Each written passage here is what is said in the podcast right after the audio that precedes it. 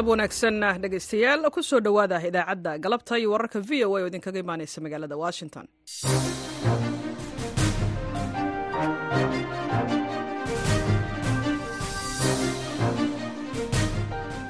Waa galab isniin ah bisha febraayo ee sanadka labaatankana waa waxaad naga dhagaysanaysaan muwjadaha gaagaaban ee lix iyo tobanka iyo sagaal iyo tobanka mitrban iyo bogga v o a somaly com. Saacadda afrikada bari waa afartii galabnimo idaacadda galabta iyo wararka v o a na waxaa idiin daadihinaya aniga oo ah caashe ibraahim aadan.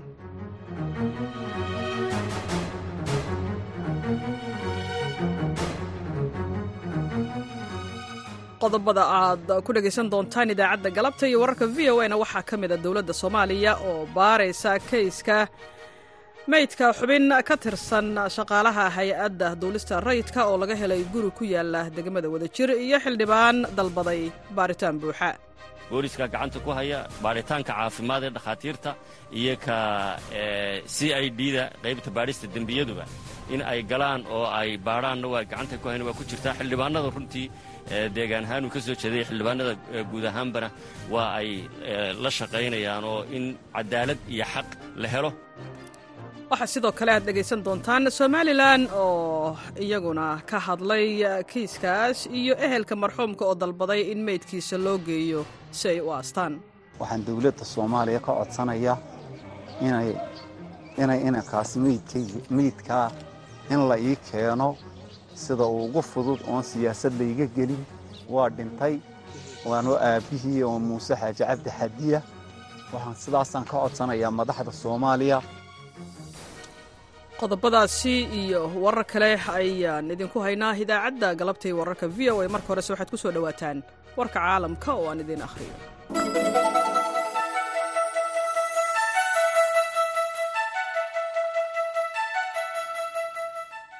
Israa'il ayaa ku hanjabtay in ay weerari doonto magaalada rafax ee khaza bilowga bisha barakaysan ee ramadaan. Haddii kooxda xamaas ay sii deen weydo lahaystayaasha gacantooda ku haray ka hor wakhtigaas iyada oo cadaadis caalami ahna lagu saarayo in la ilaaliyo rayidka falastiiniyiinta ah ee gabaadka ka dhigta koonfurta magaalada. Xilli rajada laga qabay wadahadalka xabad joojinta ay sii yaraanayso haddana maraykanka dowlado kale iyo sidoo kale qaramada midoobey ayaa waxa ay soo saareen baaqiyo deg deg ah oo israa'il ay u jeedinayaan si ay u joojiso duulaanka ay qorshaynayso inay ku qaado rafax. Xukuumadda israa'il ayaa sheegtay in magaaladan oo ay ku sugan yihiin barakacayaasha ugu badan ee falastiiniyiinta ah kuna taalla xadka masar ay tahay magaaladii ugu dambeysay ee ay ku harsan yihiin xoogaga kooxda xamaas hadalka israa'iil ayaa walaac laga muujinaya iyada oo wadahadallo raallihada iyada oo wadamo badan oo wada dadaallo ay ku doonayaan. Xabad joojinta ay sheegeen in weerar kasta oo lagu qaado rafax uu halis gelinayo nolosha dadka barakacayaasha hooyada dhashay hogaamiyihii mucaaradka ruushka alexi navalni ayaa maalintii saddexaad loo diidan yahay in ay aragto meydkiisa. Kooxdiisa ayaa sheegtay isniintan iyada oo xaaskiisuna ay isu diyaarinaysay in ay la kulanto wasiirada arrimaha dibadda ee yurub. Dhimashadii navalni ee xabsiga layidhaahdo arctig ee toddobaadkii hore ayaa ka nixiyey mucaaradka musaafuriska uga maqan dalka oo ay weheliyaan reer galbeedka oo farta ku fiiqay xukuumadda kremlinka. Xulafada navalni ayaa sheegay in baarayaashu ay sheegeen ay u sheegeen hooyadiis oo layidhaahdo yumila in baaritaanka dhimashadiisa xabsiga la kordhiyey adeega xabsiga ee ruushka ayaa waxa uu sheegay in navalni oo da-diisa ay ahayd toddobiyo afartan jir uu dhintay jimcihii kadib markii uu ku dhex lugeeyey xabsiga fog ee layidhaahdo artig circle. Hooyadii waxa ay u safartay xabsiga go'doonsan ee ku yaalla magaalada layidhahda kharb oo qiyaastii laba kun oo kilomitir u jira magaalada moscow maalintii sabtidii laakiin waxaa loo sheegay in meydkiisa uusan halkaasi oolin beeraleyda dalka hindiyana waxa ay maalintii waa markii saddex afraad wadahadal la yeesheen dowladda isniintan maanta. Ah hogaamiyaasha beeraleyda ayaa sheegay in dowladdu ay soo bandhigtay soo jeedin ku saabsan qiimaha taageerada ugu yar.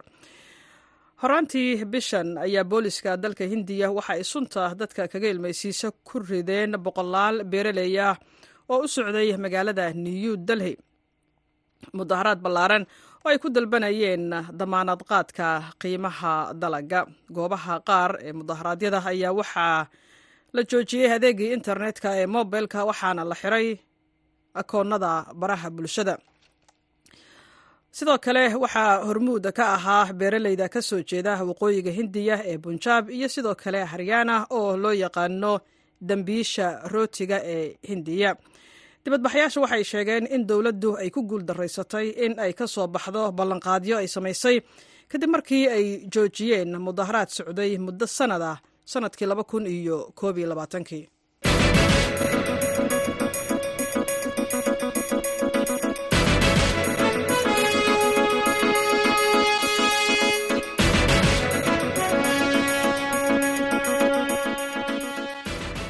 kale galab isniin oo wanaagsan ayaan hawada idinka leenahay. Meel kasta oo aad naga maqlaysaan aan ku bilownay dowladda soomaaliya ayaa sheegtay in ay baarayso kiiska xubin ka tirsan shaqaalaha hay'adda duulista soomaaliya oo meydkiisa laga helay guri ku yaalla degmada wadajir ee magaalada muqdisho shalay.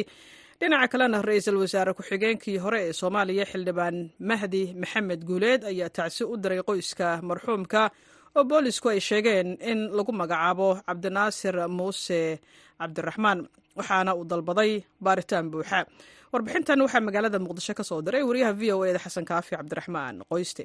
Allaha u naxariistay cabdinaasir muuse cabdiraxmaan oo ka tirsanaa shaqaalaha hay'adda duulista rayidka ayaa xalay isagoo meyda laga helay hoyga uu ka deganaa degmada wadajir ee gobolka banaadir marxuumka oo aan si dhab ah loo ogeyn cidda dilkiisa ka dambaysa ayaa booliska soomaaliya sheegeen inay wadaan baaritaano la xiriira qaabka uu dilku u dhacay.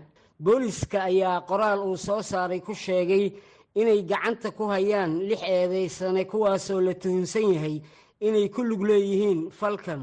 Geerida cabdinaasir muuse ayaa waxaa ka tacsiyeeyey xildhibaan mahdi maxamed guuleed kaasoo sheegay inay jiraan dad ka dambeeya falkan dilka ah wuxuuna soo jeediyey in kiiskan si rasmi ah loo baaro.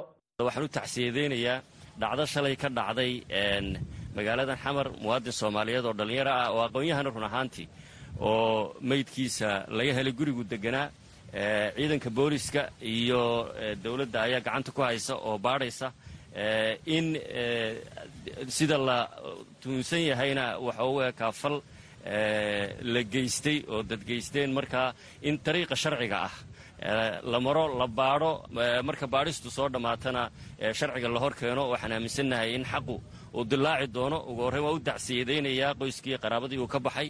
Waxaan leeyahay samir iyo iimaan in dowladnimadu shaqayso adkaato dowladda gacanta hadda ku haysa booliska gacanta ku haya baadhitaanka caafimaad ee dhakhaatiirta iyo ka c i d da qaybta baadhista dembiyaduba in ay galaan oo ay baadhaanna waa gacanta ku hayn waa ku jirtaa. Xildhibaanada runtii deegaan ahaan uu ka soo jeeday xildhibaanada guud ahaanbana waa ay la shaqaynayaan oo in cadaalad iyo xaq la helo oo xaqu dilaacana insha allahu. Waan rajaynaynaa tacsi baan u dirayaa guud ahaan waxaan leeyahay sabir yamaan allaha u naxariisto ilaahay naxariistii jannaha ka waraabiyo. Dhinaca kale ra'iisul wasaaraha soomaaliya xamse cabdi barre ayaa maanta booqday xarunta hay'adda duulista rayidka oo uu u shaqaynayey marxuum cabdinaasir oo meydkiisa laga helay gurigii uu ka deganaa degmada wadajir wuxuuna ra'iisul wasaaraha hay'adaha amniga faray inay gacanta ku soo dhigaan cid kasta oo lagu tuhunsan yahay inay falkaasi ka dambeeyeen. Si kastaba waxaa laga dhursugayaa baaritaanka ay boolisku wadaan ay ku aadan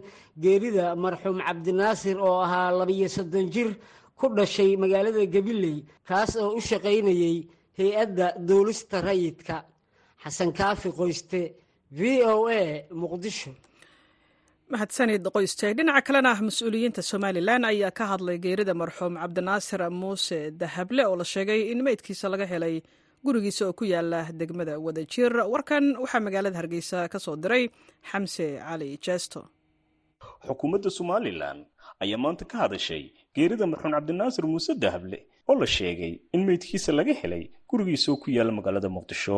Wasiirka arrimaha gudaha maxamed kaahin axmed ayaa sheegay in hay'adda duulista rayidka ee soomaaliya iyo hay'adda nabad sugidda ay ku tuhunsan yihiin dilka marxuumkani tuhunka waxaa keenaya iyadoo raggii inamadii iyo xablihii ka shaqayn jiray mashruuca shikaawa ee maanta somalilan jooga oo qaarkood ay xamar ka yimaadeen hanjabaadda loo soo hanjabayo oo cidda u soo hanjabaysaana ay tahay hay'addii civil aviationka ee soomaaliya u qaabilsanayd maamulka hawadda iyo hay'addii nabad sugidda.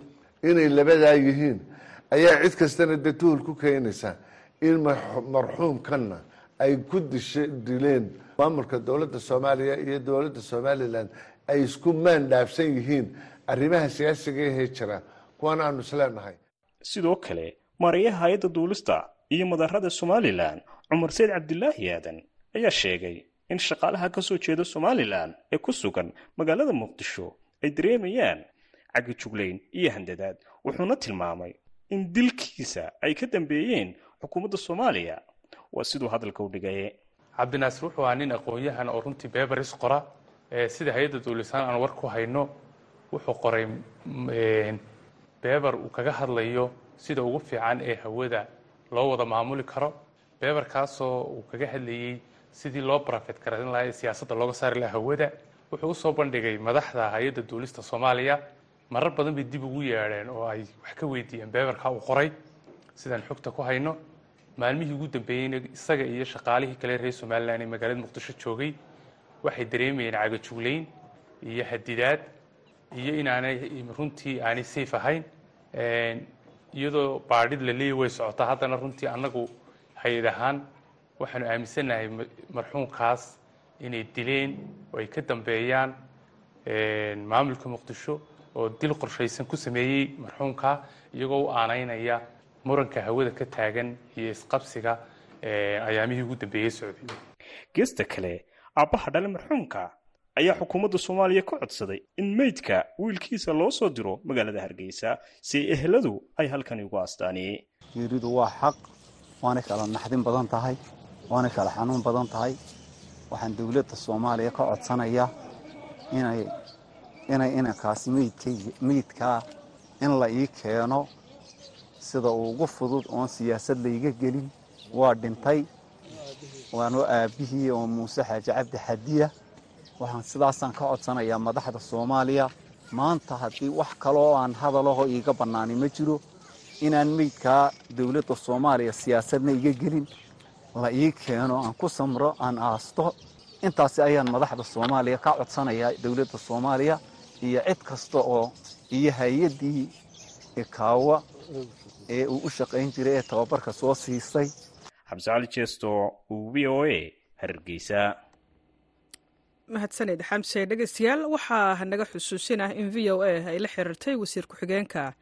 Wasaaradda warfaafinta ee soomaaliya cabdiraxmaan yuusuf al cadaala si aan wax uga weydiinno eedeynta somalilan ee keyska cabdinaasir muuse waxaase wasiir ku-xigeenku noogu sheegay fariin qoraala sidan. Keyskaasi waxaa gacanta ku haya ciidanka booliska soomaaliyeed baaris ayay wadaan dadna waa loo soo xiray iyaga ayaan ka war sugaynaa weli halkaad naga dhegeysanaysaana waa idaacadda galabnimo ee laanta afka soomaaliga. V o a oo si toosa idinkaga imaaneysa magaalada washington. Haatanna waxaad ku soo dhowaataan barnaamijkii ilayska v o e da waxaa soo diyaariyey soona jeedinaya maxamed colaad xasan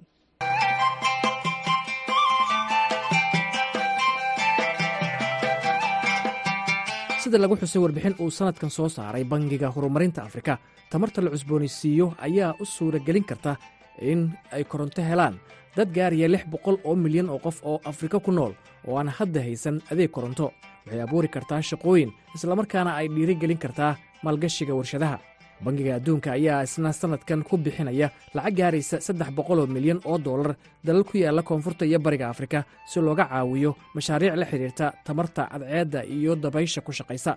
Daraasad dhowaan sameeyey bangiga horumarinta ee afrika ayaa lagu sheegay in soomaaliya ay tahay waddanka ugu horreeya marka la barbar dhigo dalalka afrika ee haysta fursadaha tamarta dabaysha laga dhaliyo doctor maxamed cusmaan waa la taliyaha madaxweynaha soomaaliya ee dhaqaalaha qaranka ahna xubin ka tirsan golaha dhaqaalaha qaranka soomaaliya.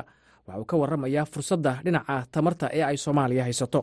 Aada u mahadsan tahay maxamed adiga iyo waa idin salaamaya dhammaan dhegeystayaasha v o a.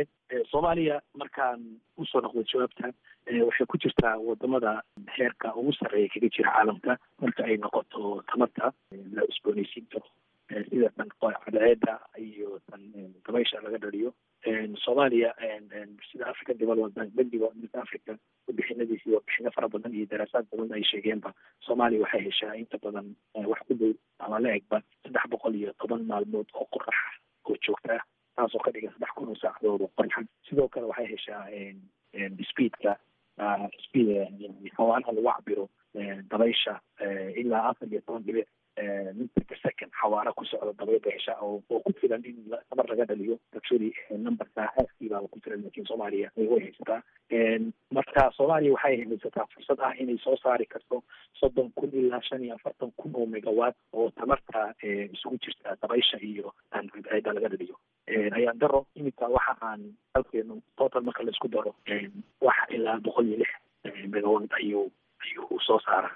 Marka potentialkeena iyo fursadaha haysan aad bay u badanleeyihin waddamada ugu sarsareeya caalamka ayaa ku jirna wa waa gartay.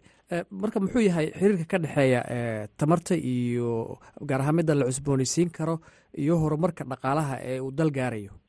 Waxaa ka dhexeeya xiriir aada xasaasi u ah oo aan oran karin xiriir toos ah. Waayo dhaqaalo si loo dhiso si loo dhiso si loo dhiso waxaa loo baahan yahay kow tamar la isku halayn karo.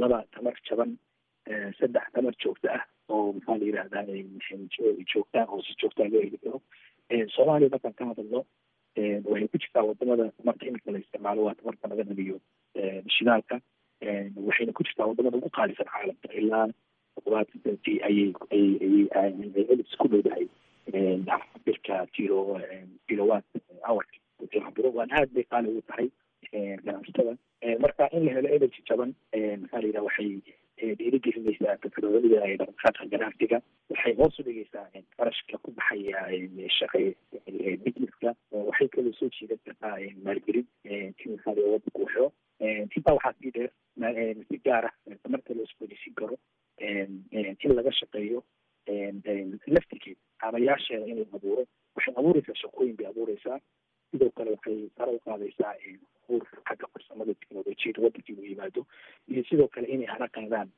warshado oo loo kala oo maxaa oo dadku ay samaystaan marka tabarta la cusboonaysiinta si gaara waxay siinaysaa waxay kordhinaysaa in wadanku uu adkaysi u yeesho isbeddelka cimilada intaad og tahay waxaad ka tirsan tahay dhaqaalyahanada soomaaliya isha ku hayay mar haddii deymihiina laga cafiyey wadanku wuxuu diyaar u yahay maalgashi. Marka ma ma jiraa qorshe caalami ah ama qorshe qaran oo ku wajahan sidii tamarta ama korontada wadanka wax looga bedeli lahaa. Si warshado loo helo. Heer caalami dowladda soomaaliya waxay waxooda oga shaqeynaysaa bankiga adduunka iyo african iyo bankiga horumarinta africa iyo hay'adda u s a i d iyo hay'ada fara badan waxaa jira nagala shaqeynaya tamarta. Waxaa jira mashaariic waaweyn oo wasaaradda tamarta iyo iyo maxaa la yihahda ay isla wadaan hay'adaha caalamiga. Marka lacago fara badan oo ilaa hal milyan ayaa yani qorshe uu yahay in la geliya sectorka xagga gudaha markaan u soo noqono dowladda soomaaliya sannadkii hore maxamuud wuxuu saxiixay march labada kun iyo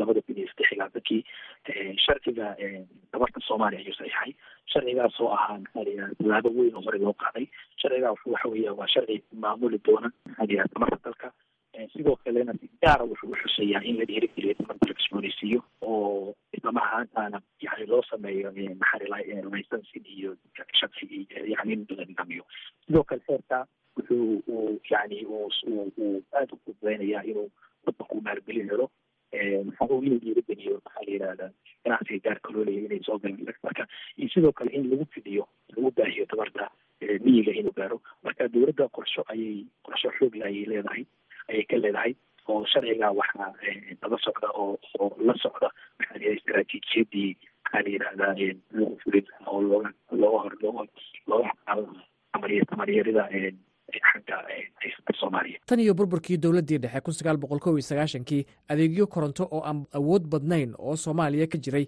waxaa gacanta ku hayay shirkado gaar loo leeyahay.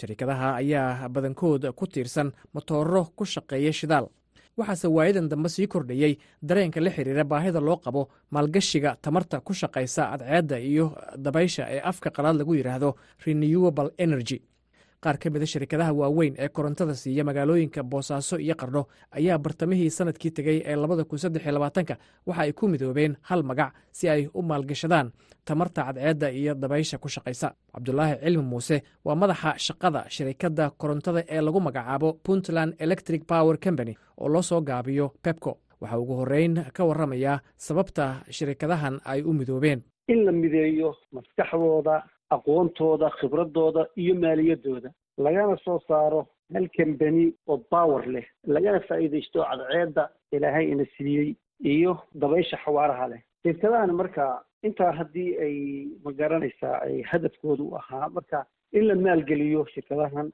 oo ay ganacsatada ay maalgashato ka bacdina ay tamarta la cusboonaysiin karo ay ay ku maalgeliyaan haddii maalgelintaasi la gaaro waxaa imanaysaa in la jebiyo korontada qiimaheeda lana gaarsiiyo heer ay dadku markaas ay awoodi karaan inay ka bixin karaan korontada ama wax walba ay samaysan karaan.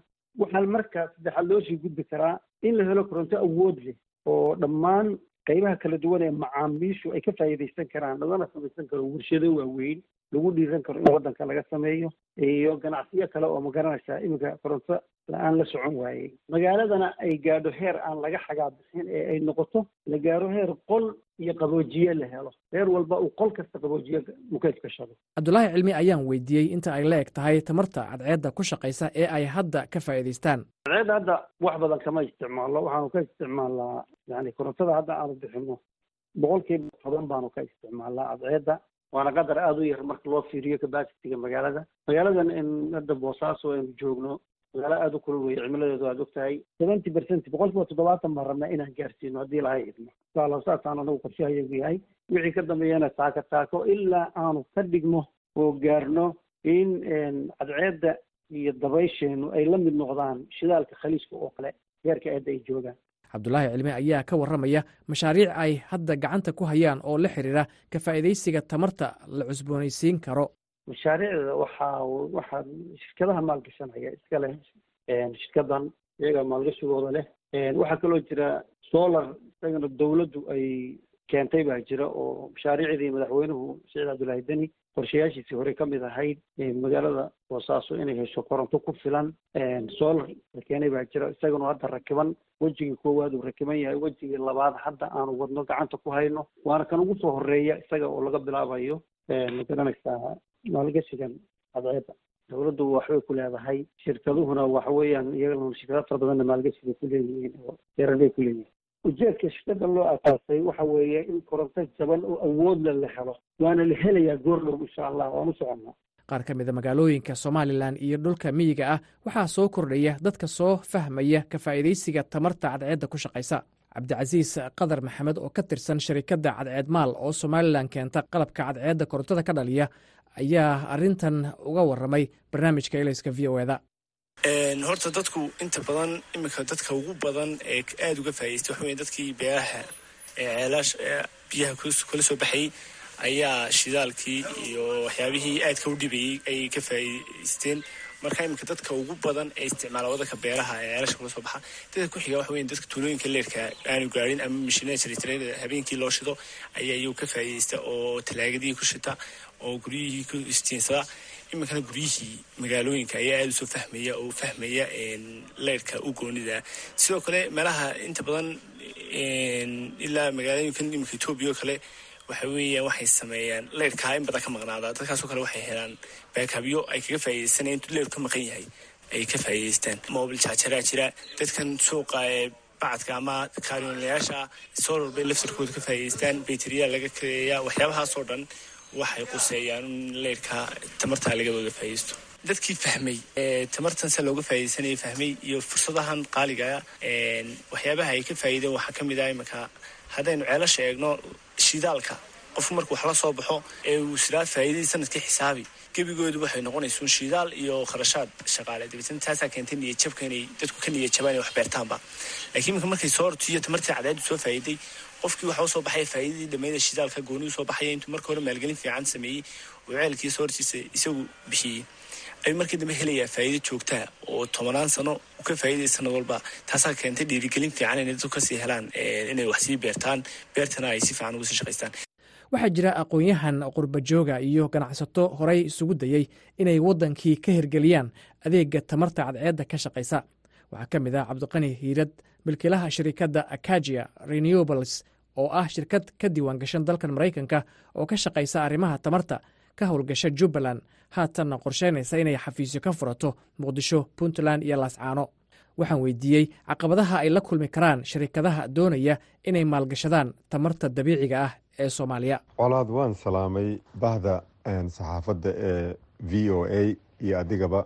Waa idinkaga mahad celinayaa runtii habeen iyo maalin sida aad ugu heegan tihiin inaad dhegeystayaashiina ugu soo gudbisaan warka runtii iyo falanqeynta ku saabsan soomaaliya.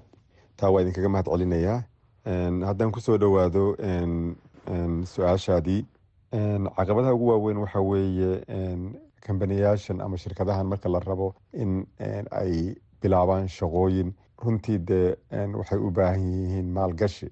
Maalgashigaasna de wuxuu ka iman karaa ama qofka milkiilaha lah inuu marka hore isagu haysto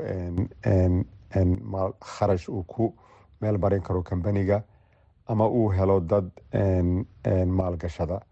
Taasu caqabada ayay ahayd. Caqabada kale waxay ahayd wadankii hadda runtii korontadu waa qaali.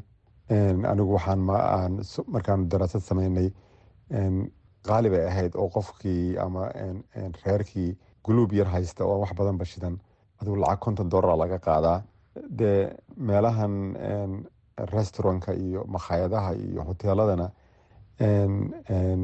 markaad fiiriso electric biilka ama biilka ay korontada ahaan u isticmaalaan. Waa wax aada iyo aada u weyn.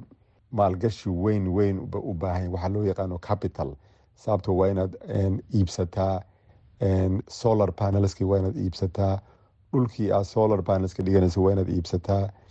Waa inaad haddii aad rakibayso maraawaxadaha waaweyn ama wind turbines loo yaqaano waa inaad dhulkii la dhigayay iibsataa. Iyaga naftigoodu waa qaali weeye taas ka sokow waxaa kaloo jira de mid amniba ayaa jirta. Cabdiqani ayaa ka waramaya fursadda tamarta dabiiciga ah ee soomaaliya. Haddaad fiiriso annagu macluumaadkii aanu ka ururinay way waxay tahay adduunka waxay ka tahay sida anigu aan fiiriyey number one ayay tahay. Haddaanay deeba aanba ahaynba number two. Aada iyo aad ayaana looga faa'iideysan karaa tamarta dabiiciga ah. Waxaa kale oo jirta colaadow qaali weeye soomaaliya korontadeedu marka tamarta dabiiciga ah haddii la helo runtii oo de si fiican looga faa'iideysto oo maalgashi ay hesho korontadaas qaaliga ah waa looga guuri karaa. Midda kale korontadan laga dhaliyo mashiinadan naaftada iyo shidaalka ku shaqaynaya. Runtii de waa shidaalkaasu wadanka waa la soo dhoofiyaa dibadda laga keenaa waa qaali weeye. Marka taas ayaa qaali ka dhigtay in korontadiina qaali noqoto. Laakiin waa laga maarmayaa haddii tabarta dabiiciga ah ee wadanka gudihiisa taalla aynu ka helno korontadeena dhinaca kale soomaaliya waxay ka mid tahay waddamada uu sida weyn u saameeyey isbeddelka cimilada adduunka oo loo aanaynayo wasaqda iyo qiiqa ay warshadaha adduunku ku sii daayaan hawada taasoo soomaaliya ka sokow fursadda koronto jaban oo ay hesho. Tamartan la cusboonaysiinayo ay u noqon karto tallaabo kale oo ay wax kaga qabato musiibooyinka dabiiciga ee isbeddelka cimilada ee mustaqbalka. Brofesor cabdirashiid cilmi waa qabiir dhinaca isbeddelka cimilada ah waxna ka dhiga jaamacadda kuwait university ee dalka kuwait waxaan weydiiyey haddii uu jiro xiriir ka dhexeeya isbeddelka cimilada iyo adeegsiga tamarta la cusboonaysiin karo. Aada u muhiima. Jawaabtoo koobanna waxa weeyaan haa culimmada ku howlan qarnigan aan noolnahay hawsha ah isbeddelka cimilada sababaheeda iyo sida loola noolaan kara ma wax laga qaban karo isbeddelka cimilada waxay ku macneeyeen inuu yahay khatarta ugu weyn ee basharka ama bani aadmiga soo food saarta qarniga koob iyo labaatanaad marka markaa sidaasay khatarteeda ay u leedahay loogana digay.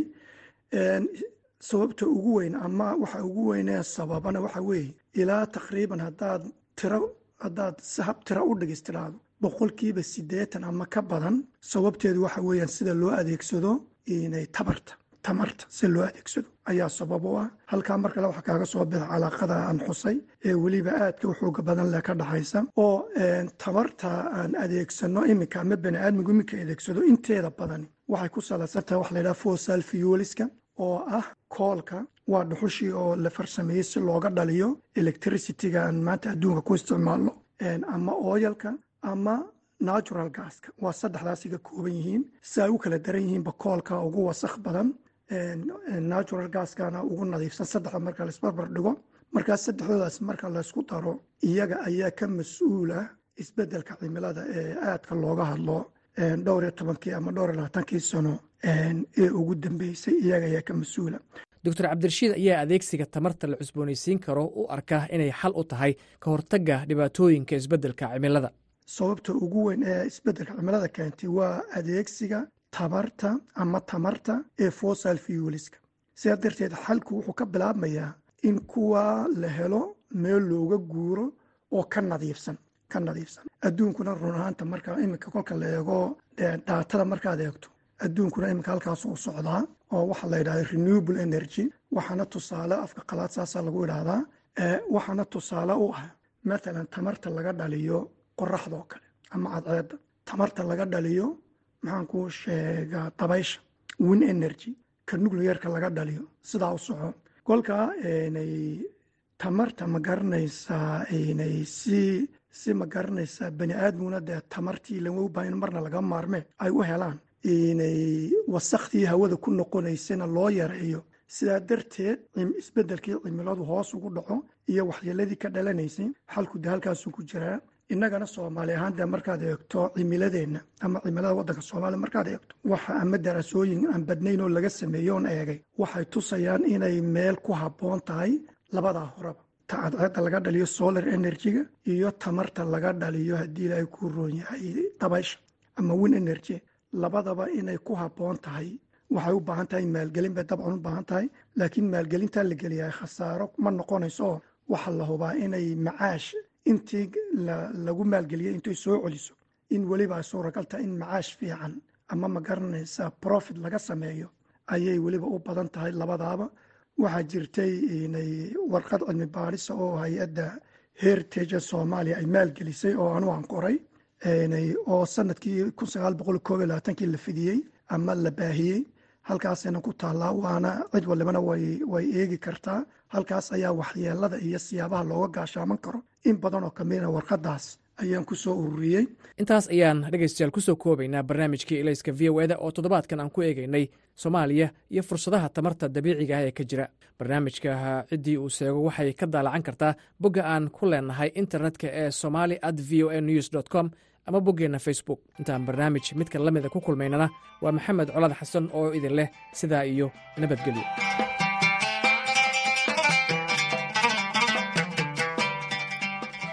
xasan aad buu u mahadsan yahay maxamed colaad xasan oo barnaamijka ilayska v o a nala socotiinaya halkaad kala socoteen. Waa laanta afka soomaaliga ee v o a. Baarlamaanka waa baarlamaanka waxaa maanta ka sii socotay dooda ku saabsan cutubka koowaad ee dastuurka oo wax kabeddelka ay ku soo sameeyeen guddiga madaxa bannaan ee dib u eegista dastuurka islamarkaana ay ansixiyeen guddiyada arrimaha dastuurka ee labada aqal. Maantana waxaa dooda baarlamaanka ka hadlay madaxweynihii hore ee soomaaliya shariif sheekh axmed warbixintan waxaa soo diray xasan kaafi cabdiraxmaan qoyste.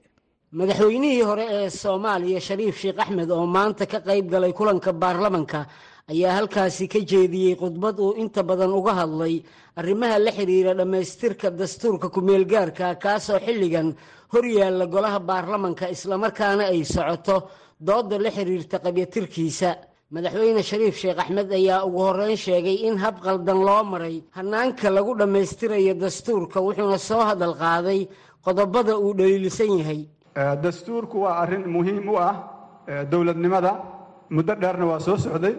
Waxaan taageersannahay ama aniguba aan taageersanahay in la dhammaystiro waxaan rabaa warkaas inuu aad u caddaado dastuurka in la dhammaystiro.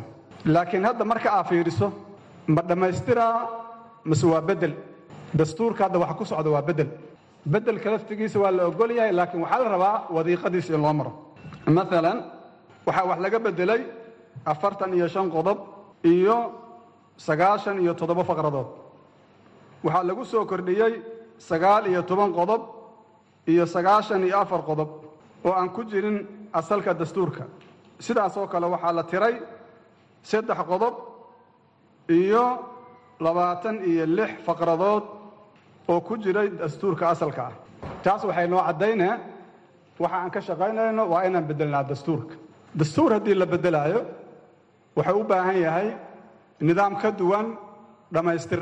Wuxuu u baahan yahay la tashi ka ballaaran intan ayuu u baahan yahay madaxweyne shariif sheekh axmed ayaa carabka ku dhuftay in dastuurku uu yahay heshiis bulsho kaasoo u baahan wadatashi ballaaran waxaana hanaanka iminka lagu dhammaystirayo dastuurka uu ku sifeeyey mid keeni kara kala qoqob bulshada dhexdeeda ah maadaama ay jirto tabasho badan. Dastuur waa heshiis ummadeed oo keena inuu hana qaado nidaam dadku ay raalli ka wada yihiin. Waxaan wada ognaha maanta dastuurka tabashooyin badan in laga qabo waa la soo jeediyey hadda. Waa socdaan. Dastuurka ujeeddada loo samaynayana inuu keeno midnimo. Waxaan aaminsannaha meelaha qaar inuu keeni karo dhibaatooyin aan laga fikirin oo keeni kara in la sii kala qoqobmo annagoo xildhibaanno ah oo nala soo doortay oo deegaanno ka kala nimiday oo ah hay'adda keliyahe loo dhan yahay oo dadka soomaaliyeed u dhow yihiin ma aaminsana inay sax tahay inaan ka shaqayno wax keeni kala kala qoqobnaan ayadoo lagu xalli karo arrimahaas hab nabadeed iyo wadahadal waxaan rabaa inaan u gudbo intaas keliya ma aha. Waxaa ku jira dastuurka in la bedelo qaab dhismeedka dowladnimo ee dalku uu leeyahay. Nidaam baarlamaaniyaan ku soconnay. Waxaanu guuraynaa nidaam presidential ah. Lixdan sano wakhti ka badanna waxaan ku soo jirnay nidaam baarlamaani ah. Nidaamka baarlamaaniga ee aan ku soo soconnay intaas waa hanaanka isku kaynahayay ilaa hadda qarankan burburkiisuna waxuu bilowday maalintii sharciga la laalay hanaankaas la laalay ayuu bilowday. Nidaamka presidentialka wuxuu u baahan yahay tala intaan ka ballaaran. Haddii la beddelaayo hanaanka dowladnimo waxay u baahan tahay wadahadal intaan ka dheer inaan galno. Arrintan hadda socota waxaan hubaa inaan wada fahamsannahay inaysan ahayn arrin caafimaad qabta oo ka shaqaynaysa midnimo ummadeed waxay ka shaqaynaysaa dara khaasa afar iyo labaatankii janawari ayay ahayd markii labada aqal ee baarlamanka soomaaliya ay ansixiyeen habraaca wax ka beddelka dastuurka waxaana wixii wakhtigaasi ka dambeeyey baarlamanka si toosa uga socday dooda ku aadan dhammaystirka dastuurka iyo wax ka beddelkiisa taasoo ay xildhibaanadu ku kala aragti duwan yihiin. Xasan kaafi qoyste v o a muqdisho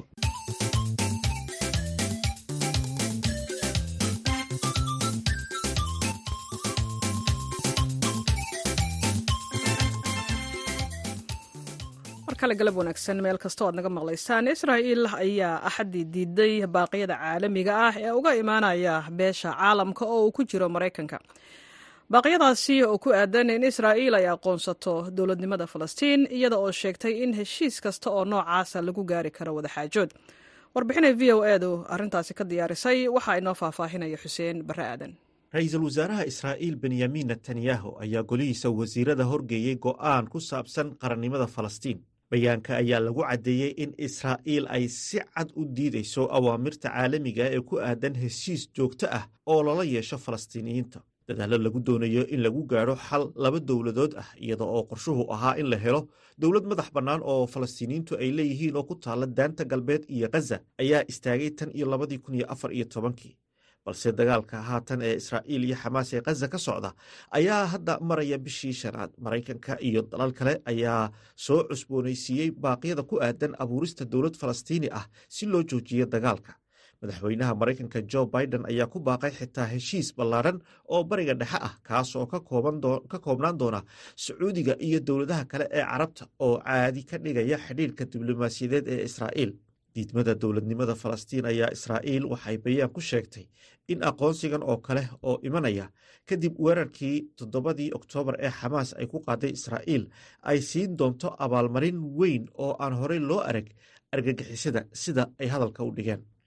Ra'iisul wasaare netanyahu waxa uu wacad ku maray inuu sii wadi doono dagaalka uu kula jiro xamaas ilaa ay ka gaadhayaan waxa uu ugu yeedhay guul buuxda maraykanka ayaa u muuqda ilaa hadda inuu ku guuldaraystay inuu dhexdhexaadiyo xabad joojin cusub iyo sii deynta boqolka lahaystayaasha ah ee ay xamaas weli ku hayso khaza netanyahu ayaa ku tilmaamay dalabaadka xamaas in ay yihiin kuwo khayaali ah isagoo oo tilmaamay in xamaas ay rabto in israa'iil ay ciidamadeeda kala baxdo khaza si ay xamaas u maamusho taas oo uu netanyahu u arko inay awood siinayso xamaas linda thomas greenfield oo ah safiirka maraykanka u joogta qaramada midoobay ayaa bayaan ay soo saartay sabtidii ku sheegtay in maraykanku uu diidi doono qorshaha aljeeriya ee ay u badan tahay inuu hor yimaado golaha ammaanka ee qaramada midoobay toddobaadkan kaas oo ku baaqaya xabajoojin deg deg ah. Dhanka kale dagaalka khaza ayaa sii socda. Dhakhaatiirta iyo goobjoogayaal ayaa sheegay in duqeymaha israa'iil ay ka fulisay khaza ay ku dhinteen ugu yaraan siddeed iyo toban qof axaddii shalay hal duqeyn oo ka dhacday rafax oo u dhow xuduudda masar ee koonfurta khaza ayaa lagu dilay haweeney iyo saddex aruur ah. Weerar kale oo ka dhacay magaalada khan yunis ayaa lagu dilay shan rag ah. Madaxa ururka caafimaadka adduunka ayaa sheegay in isbitaalka naasir ee magaalada khan yunis oo xarunta ugu weyn ee u adeegta koonfurta khaza aanu shaqaynaynin hadda kadib markii ciidamada israa'iil ay weerareen xarunta toddobaadkii hore madaxa hay'adda caafimaadka ee qaramada midoobey tedros gabreyesos ayaa sheegay in kooxda w h o aan loo ogolaan in ay galaan isbitaalka naasir waxaana weli isbitaalka ku jira ilaa laba boqol oo bukaan ah oo ay ku jiraan labaatan u baahan in si deg deg ah loogu gudbiyo cisbitaallo waaweyn. Xuseen barre aadan ayaa warbixintaasi nala socodsiinayey oo ay v o edu diyaarisay. Haatanna waa xubintii dooda gaaban. Waxaa magaalada muqdisho ku soo diyaarisay saynab abuukar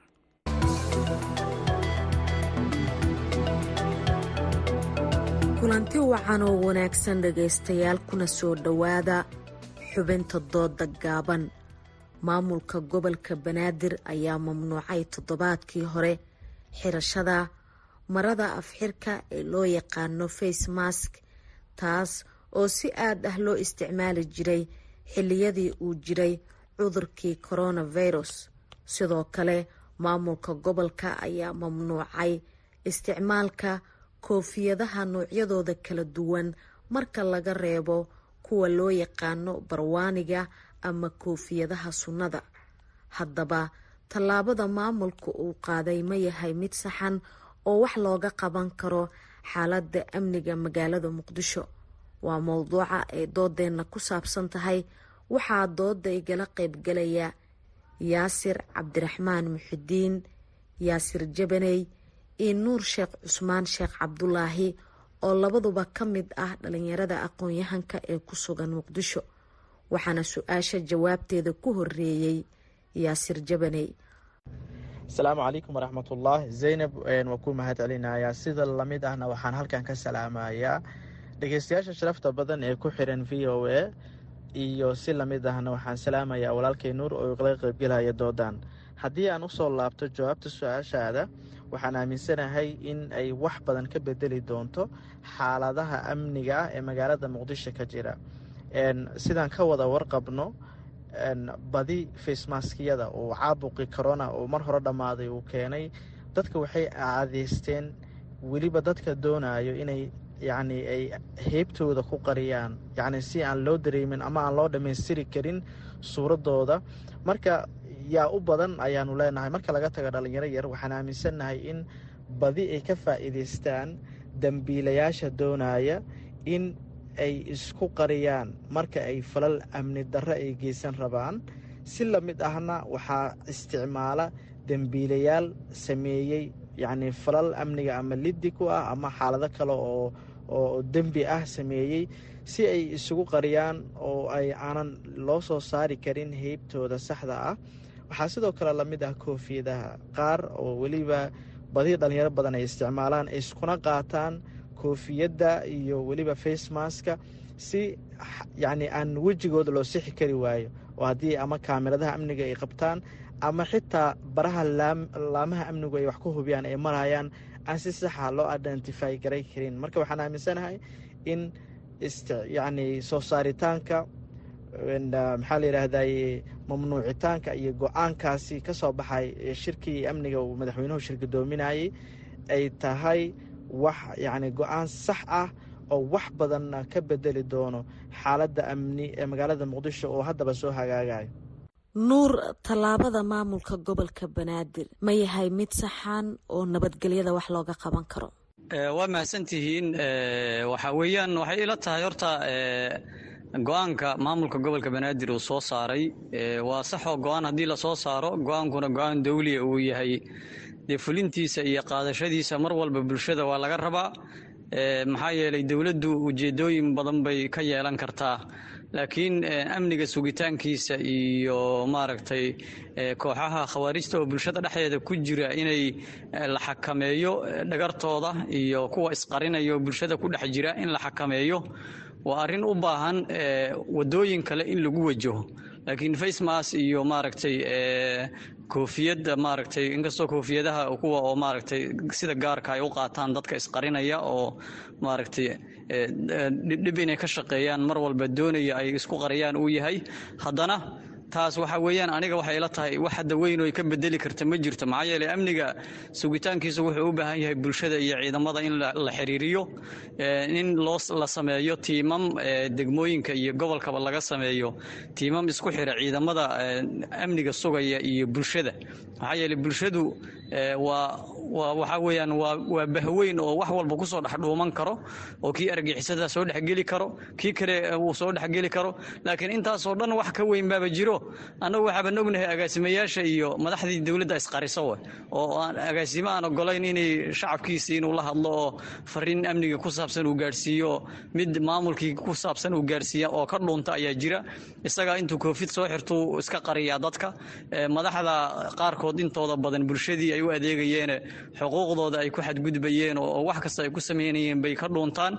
Marka waxaas macno weyn anigu hadda uma arko inuu facemas iyo koofiyad iyo lagu wareegsiya howlo ka waaweyn oo u baahan in maamulku uu qabto oo bulshadii la isku xiro oo tiimam la abuuro ee bulshadii iyo u dhexeeya ciidamada amniga sugayay laakiin haddii ay sida hadda lagu jiro kale iska ahaato anigu macno weyn uma arka inay soo kordhinayso. Haddii aan dib kugu soo noqdo yaasir waad dhegaysanaysaa nuur sheekh cusmaan waxa uu ku doodayaa in la xakameeyo amniga magaalada inay u baahan tahay qaab kale in loo wajaho adigana waxaad qabtaa go'aanka maamulka in xaaladda amniga ay wax badan ka bedeli doonto. Maxaad uga jawaabi lahayd dooda nuur? Walaahi waxaan aaminsanahay in wax walba oo bilaabanayo ay ka bilowdaan yacni unug ay ka bilowdaan uu seel uu ka bilowdo yacni sugitaanka amniga magaalada muqdisho tilaabo hore oo tiro badan ayaa loo qaaday maanta marxaladda uu taagan yahay. Yacni jaalanjiyada ku soo kordhay ooy hadda tan ugu dambayso ah fiismaaskiyada iyo broblemyadan in meelaha qaar wax la dhigoo kale. Waxaan aaminsanahay in mamnuucitaankiisaas uu yahay tallaabtii hadda ugu habbooneed ee loo qaadi lahaa.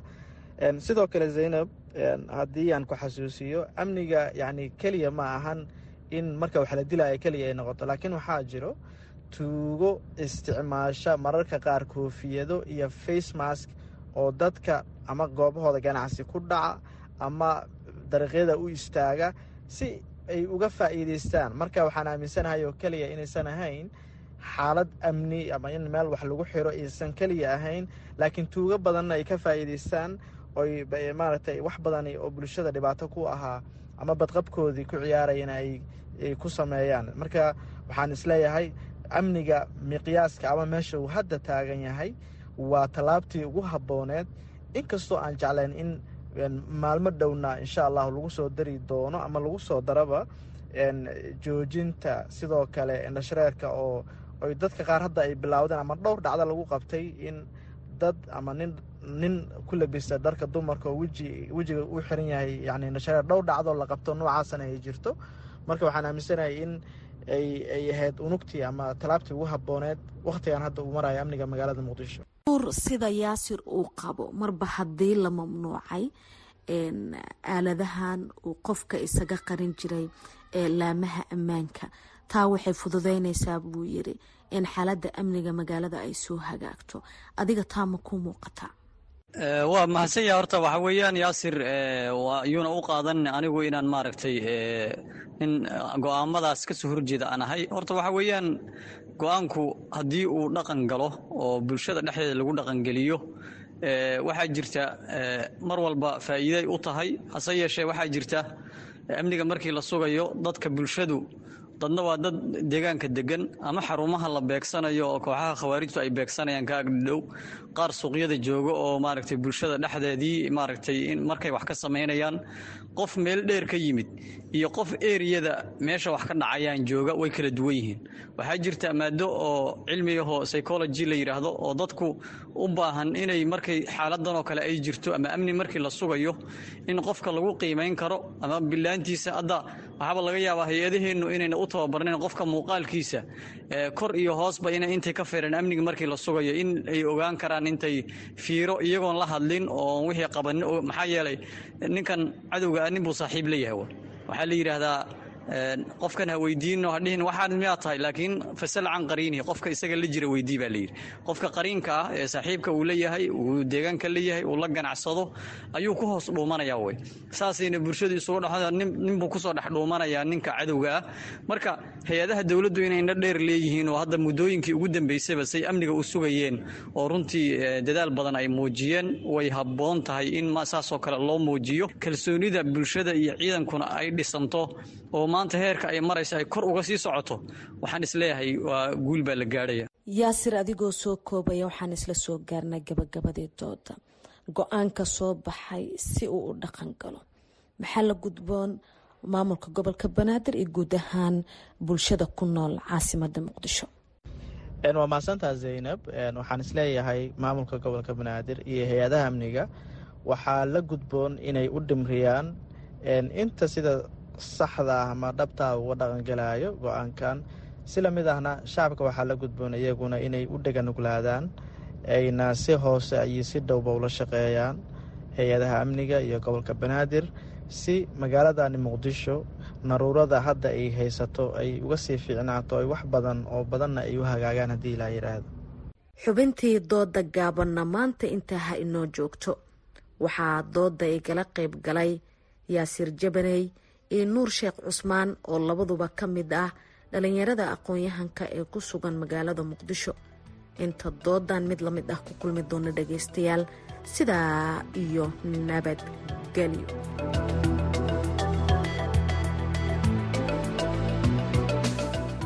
saynab abuukar maxamed iyo xubinta dooda gaaban intaas aan uga gudubno booqashadii taliyaha ciidamada qudus ee iiraan uu ku tegay magaalada baqdaad ayaa horseeday in la hakiyo weeraradii ciidamada maraykanka ee ay ku qaadeen kooxaha taabacsan iiraan ee ku sugan ciraaq. Ilawareedyo badan oo ciraaq iyo iiraan ah ayaa u sheegay wakaaladda wararka ee royters in ay calaamad u tahay in tehraan ay doonayso in ay ka hortagto iska hor imaad ballaaran. Warbixin ay qortay wakaaladda wararka ee royters waxaa inoo haya cabdulqaadir maxamed mursal samakaab ismaaciil kaaniye ayaa garoonka diyaaradaha ee baqhdaad sagaaliyo labaatankii bishii janaayo ee la soo dhaafay kula kulmay wakiilo dhowra oo ka tirsan kooxaha hubaysan wax ka yar siddeed iyo afartan saacadood kadib markii washington ay ku eedeysay kooxahaasi dilka saddex askari oo maraykan ah oo lagu dilay dalka urdun kaani oo la taliyihii isaga ka horreeyey ee dishay diyaarad aan duuliyaha lahayn oo maraykan ah afar sano ka hor ayaa u sheegay kooxahan hubaysan ee qorsheeya weerarada ka dhanka ah maraykanka inay halis u yihiin jawaabaha culus ee maraykanka uu ka bixiyo.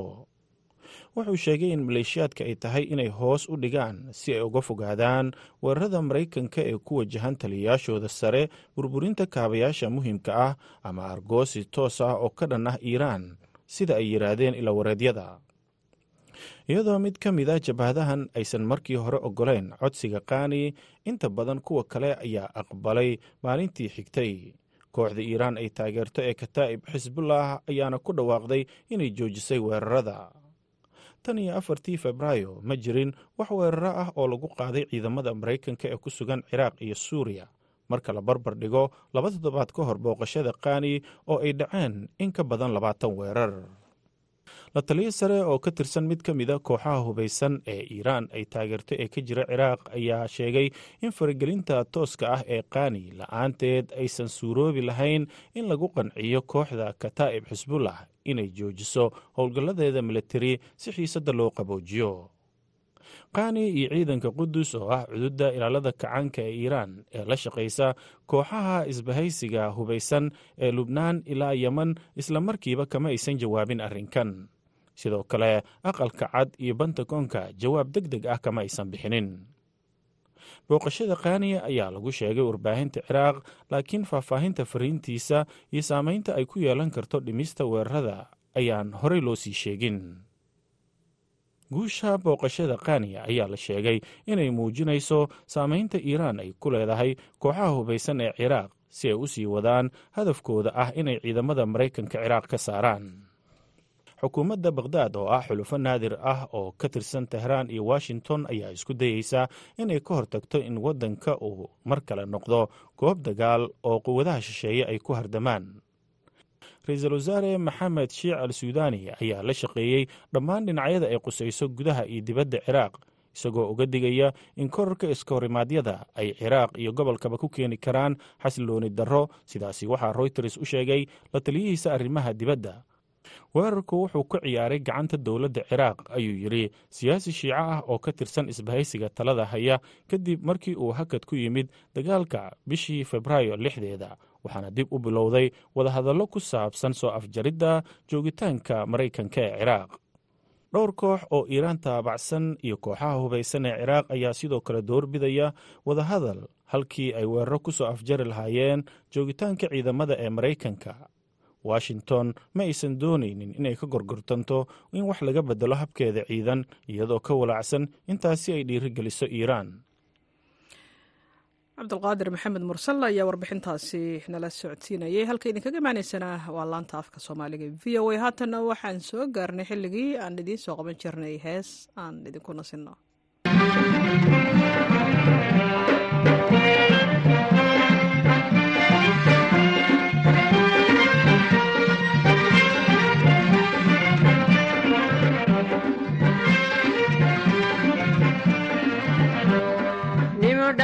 jaban yahay dhaqdhaqaaqi maaye sidan dhowr habeen qaday dhaforadu ejiite nimu dhabarku jaban yahay dhaqdhaqaaqi maaye sidan dhowr habeen qaday dhaforadu ejiite wadhaawacaagi waxanaan la dhuubtee la dhuubtee markiyaan ku dhowraba dhibbaay kordhayse markiyaan ku dhowraba dhibbaay kordhayse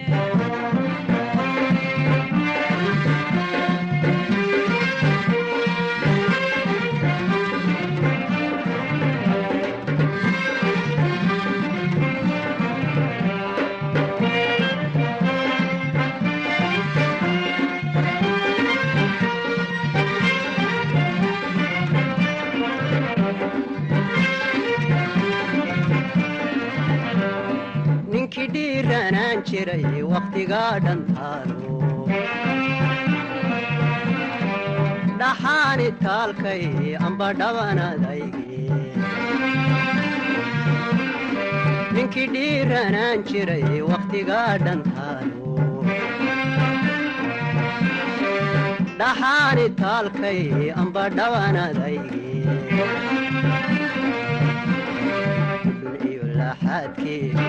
laxaadkii wax ku dheefi waaye dhudhun iyo laxaadkii wax ku dheefi waaye hagarkugu ma dhafine dhadhabay horyaale hagarkugu ma dhafine dhadhabay horyaale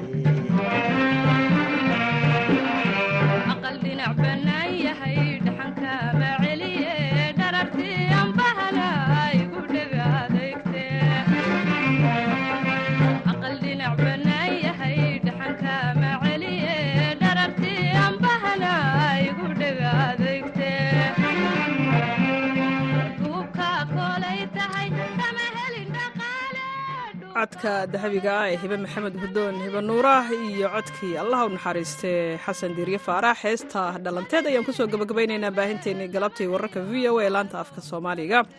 Waxaa idinla socodsiinaya anigoo ahaa cashi ibraahim aadan intaan mar kale kulmayno nabadgelyo